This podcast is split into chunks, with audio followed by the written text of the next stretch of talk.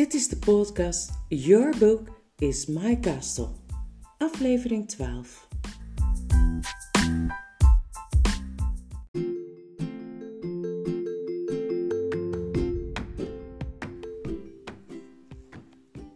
Heb je ook wel eens het gevoel dat je meer leeft? Dat je helemaal bruisend bent van, van energie? Nou, vast wel als je bijvoorbeeld een voetbalwedstrijd speelt of een andere sportwedstrijd. Alles bruist in je. En alles om je heen bruist ook. Maar tegelijkertijd is er die dreiging. Ga je wel winnen? Die grote jongen in het andere team waar je tegen moet voetballen, die is heel goed. En uh, die spanning daarvan, een beetje over. Uh, dat, datzelfde soort gevoel, dat, dat heb ik bij dit hoofdstuk. Nou, luister maar.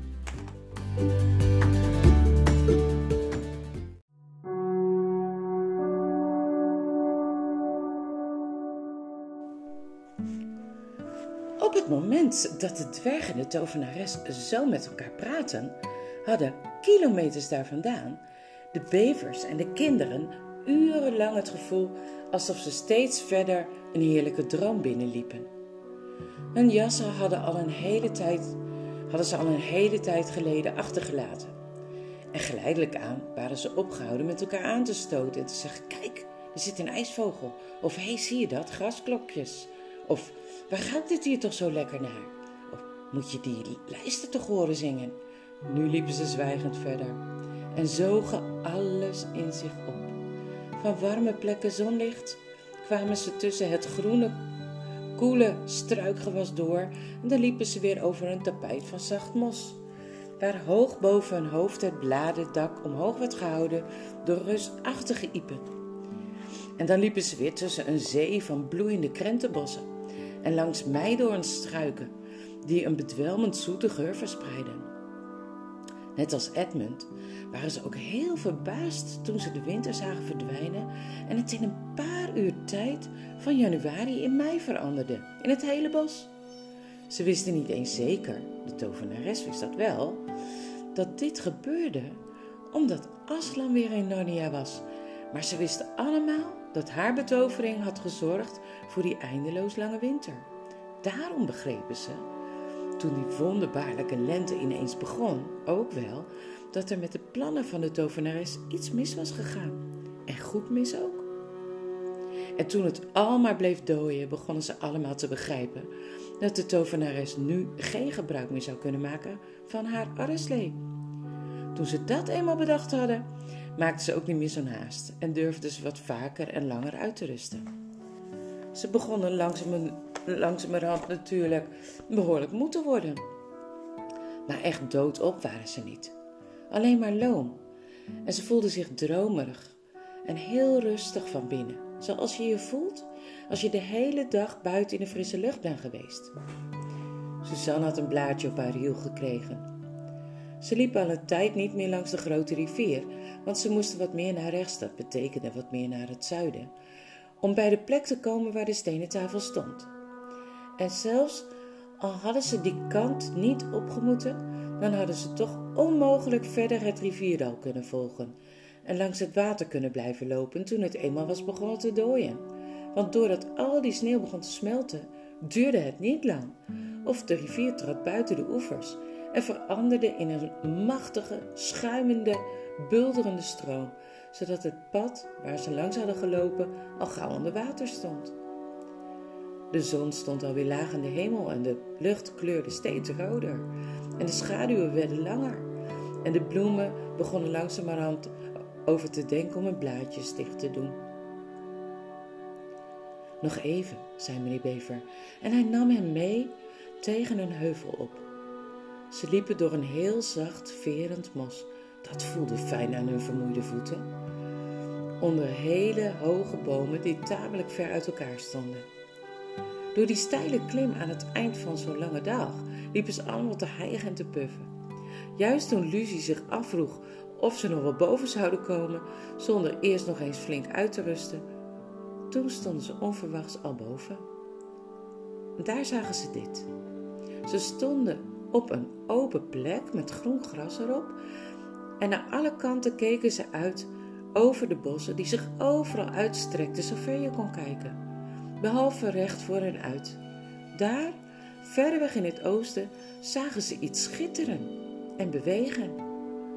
Verdraaid, fluisterde Peter tegen Suzanne. De zee! Midden op de open heuveltop, waar ze nu waren, stond de stenen tafel. Het was een groot, somber, plat stuk grijze steen dat op vier rechtopstaande keien rustte. Hij zag er heel oud uit. En er waren allemaal vreemde lijnen en figuren in uitgehouwen. Het leken wel letters van een onbekende taal. Als je er naar keek, kreeg je een eigenaardig gevoel van binnen. Het volgende wat ze zagen was een grote tent die aan de rand van de heuveltop was opgezet. Een schitterende tent, vooral nu het licht van de ondergaande zon erop scheen. Met rechte zijkanten die eruit zagen alsof ze van gele zijde waren. Met vuurrode scheerlijnen die met ivoren pinnen in de grond zaten. En hoog boven het dak uitwapperde aan een paal een banier met een rechtopstaande rode leeuw erop. In het zachte briesje dat uit de verte vanaf de zee in hun gezicht kwam waaien. Terwijl ze daarnaar, daarnaar stonden te kijken, hoorden ze aan hun rechterkant muziek. En toen ze keken waar dat vandaan kwam, zagen ze wat ze zien wilden.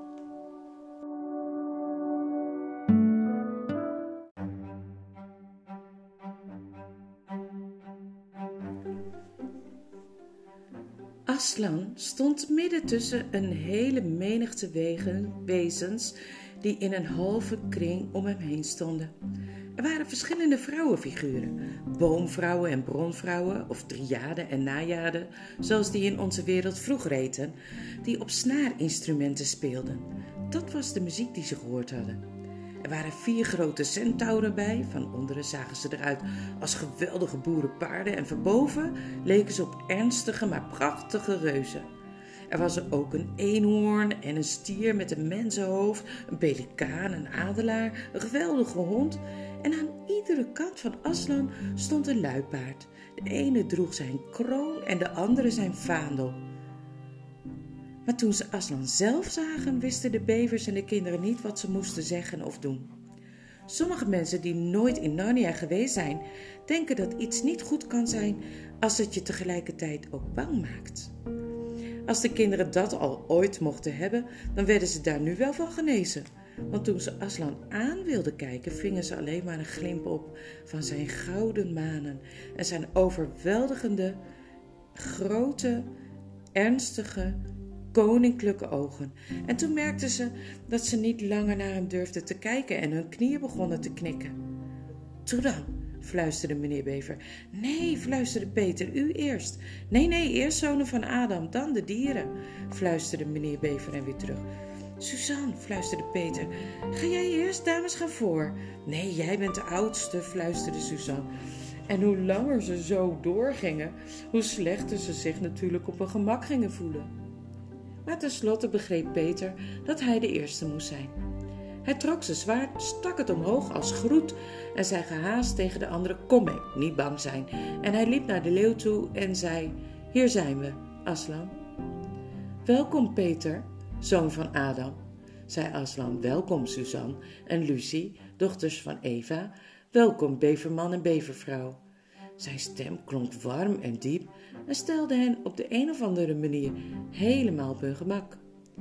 Nu voelden ze zich rustig en blij van binnen en ze vonden het ineens niet gek meer om daar zomaar te staan zonder iets te zeggen.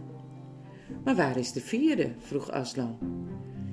Hij heeft geprobeerd hen te verraden en is naar de witte tovenares overgelopen, o Aslan, zei meneer Bever.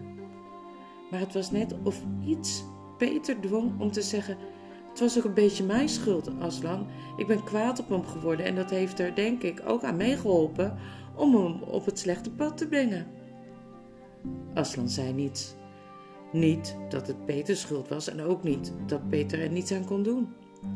Hij keek hem alleen maar aan met zijn grote ogen en iedereen had het gevoel dat er niks verder niks meer gezegd hoefde te worden. Alsjeblieft, Aslan, zei Lucie, kunnen we niet iets doen om Edmund te redden? Daar zullen we alles voor doen wat nodig is, zei Aslan. Maar het kon wel eens een heel wat moeilijker zijn dan jij denkt. Toen zweeg hij weer. Tot op dat moment had Lucie gevonden dat zijn gezicht er zo sterk en zo koninklijk, koninklijk en zo rustig uitzag. Maar nu viel het haar ineens op dat hij er ook uitzag alsof hij verdriet had. Maar even later was daar niets meer van te zien. De leeuw schudde zijn manen, klapte in zijn voorpoten. Om bang van te worden, die klauwen, dacht Lucie, als hij zijn nagels niet in zou houden.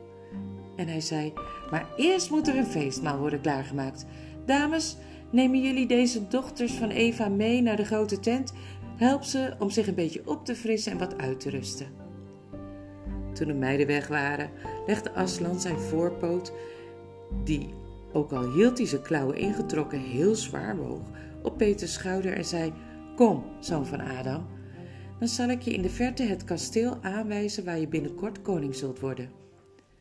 En Peter, met zijn getrokken zwaard nog in de hand, liep met de leeuw mee naar de oostkant van de heuveltop. Vandaar hadden ze een wondermooi uitzicht. Achter hen ging de zon onder.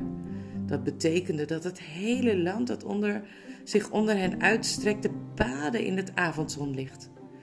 Bossen en heuvels en dalen en het laatste stuk van de grote rivier dat als een zilveren slang wegkronkelde naar de zee in de verte. Helemaal voorbij het land lag de zee, kilometers ver weg, en achter de zee was de lucht vol wolken die net roze begonnen te kleuren door de weerschijn van de ondergaande zon. Maar precies op de plek waar het land Narnia en de zee elkaar raakten, aan de monding van een grote rivier om precies te zijn, kon Peter iets zien schitteren op een lage heuvel. Het schitterde, want het was een kasteel en het zonlicht werd natuurlijk teruggekaatst door alle ramen die aan Peters kant, aan de zonkant, lagen. Maar in Peters ogen zag het eruit als een grote ster die rustte op de grens tussen land en zee. Dat, o mensenkind, zei de Aslan, is Kerpervel, het slot van de vier tronen, waarop jullie zullen zitten als je koning bent. Ik laat dit aan jou zien, omdat jij de eerstgeborene bent en omdat jij de hoogste koning wordt hoger dan alle anderen.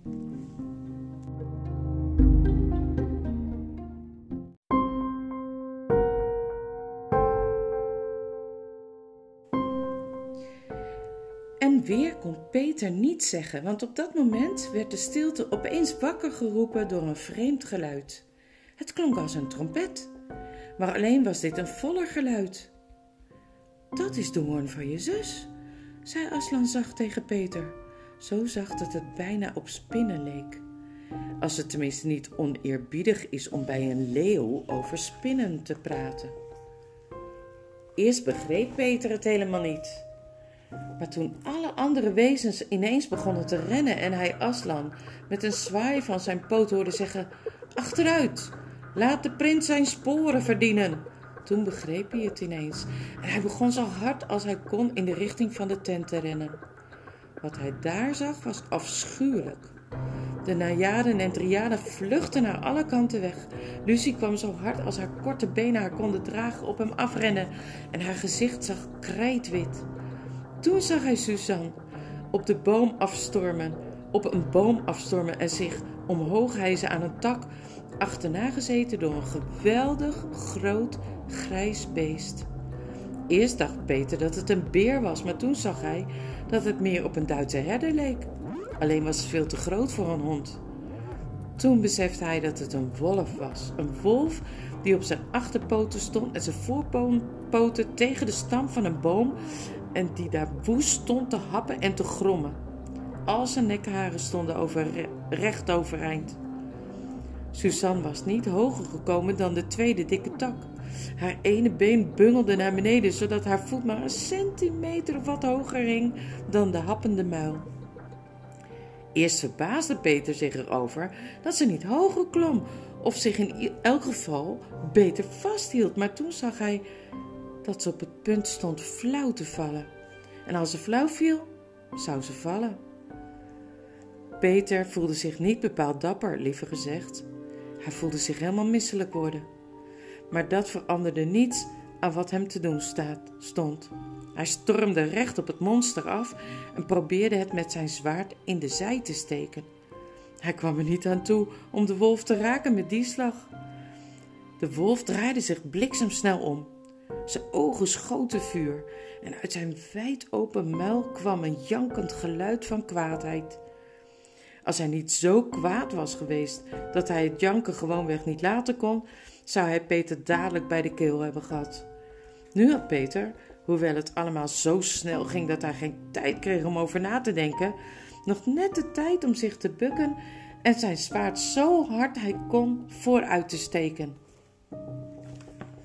Tussen de voorpoten van het monster door, recht in zijn hart. Toen was het een ogenblik lang één grote afschuwelijke weerwar. Het leek net een nachtmerrie. Hij stond te rukken en te trekken en kon zien. Ik kon niet zien of de wolf leefde of dood was. De ontblote scherpe tanden van het beest stoten tegen zijn voorhoofd en overal was bloed en haar en zweet. Een ogenblik later besefte hij dat het monster dood aan zijn voeten lag. Dat hij zijn zwaard eruit had getrokken, zijn rug stond te rekken en het zweet van zijn gezicht en uit zijn ogen stond te vegen. Hij voelde zich dood en doodmoe.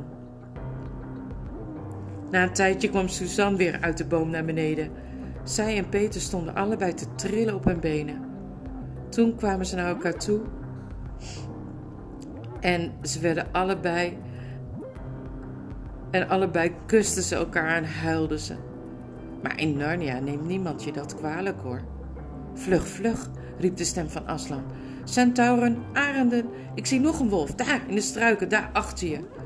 Hij gaat er net vandoor, erachteraan, allemaal. Die gaat beslist terug naar de meesteres.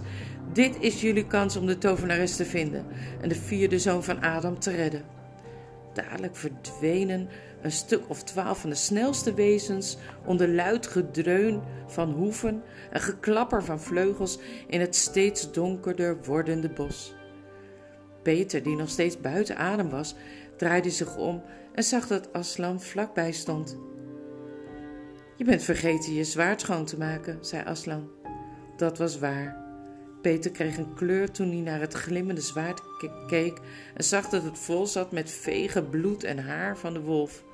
Hij bukte zich en veegde het goed schoon aan het gras.